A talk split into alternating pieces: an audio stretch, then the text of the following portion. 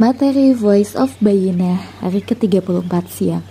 Anak-anak adalah rezeki Part 2 Oleh Ustadz Snowman Ali Khan Disarikan oleh Ica Farihah Dibacakan oleh Indah Safitri.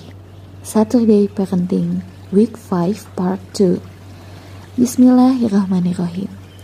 Anak-anak sebuah nikmat yang sering terlupakan. Mereka mengetahui nikmat Allah Kemudian mereka mengingkarinya dan kebanyakan mereka adalah orang yang ingkar kepada Allah. Quran Surat An-Nahl ayat 83 Ketika Ustadz Snowman membaca ayat ini, beliau mengingat anak-anaknya. Allah katakan bahwa mereka tahu nikmat yang telah diberikan oleh Allah, tetapi malah mengingkari dan mengabaikannya. Mereka bahkan termasuk yang tidak sabar dan tidak mengakui nikmat tersebut. Dan salah satu nikmat itu adalah anak-anak kita.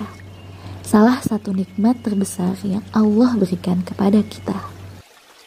Anak-anak berarti kebangkitan umat. Dalam Al-Quran, surat Al-Isra ayat ke-6, kemudian kami berikan kepadamu giliran untuk mengalahkan mereka. Kami membantumu dengan harta kekayaan dan anak-anak dan kami jadikan kamu kelompok yang lebih besar. Allah menceritakan tentang Bani Israel. Allah memberi kuasa kepada Bani Israel dengan mengembalikan mereka menjadi sebuah bangsa. Padahal sebelumnya mereka tidak sebesar itu. Dengan cara apakah mereka menjadi sebuah bangsa yang besar? Dengan harta kekayaan dan anak-anak.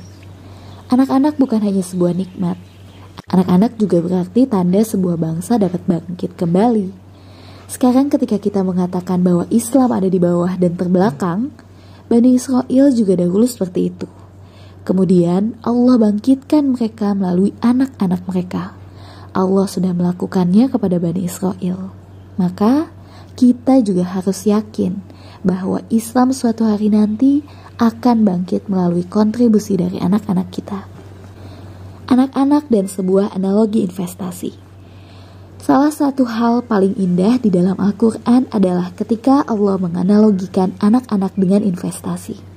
Allah katakan di dalam Al-Quran surat Al-Baqarah ayat 223. Istri-istrimu adalah ladang bagimu. Maka datangilah ladangmu itu kapan saja dan dengan cara yang kamu sukai. Dan utamakanlah yang baik untuk dirimu. Bertakwalah kepada Allah dan ketahuilah bahwa kamu kelak akan menemuinya dan sampaikanlah kabar gembira kepada orang yang beriman. Dalam ayat ini, topik pembahasannya adalah tentang menikah dan cara bergaul yang baik terhadap istri. Tetapi Allah juga membicarakan di tengah-tengah tentang laqad wuli anfusikum. Penggalan ayat ini artinya adalah untuk mempunyai anak. Ketika kita memiliki anak dan dibesarkan dengan benar, maka setiap kebaikan akan menjadi investasi akhirat kita. Kemudian, ketika anak-anak tersebut memiliki keturunan lagi dan dididik sebagaimana mestinya, kita sebagai nenek atau kakek juga akan mendapatkan kebaikan itu. Kebaikan menjadi investasi yang mengalir terus-menerus menuju akhirat, dari anak ke cucu, ke cicit, dan seterusnya. Semua kebaikan ini akan membangun investasi abadi di negeri akhirat. Jadi, investasi terbaik kita adalah membesarkan anak-anak dengan benar. Wallahu alam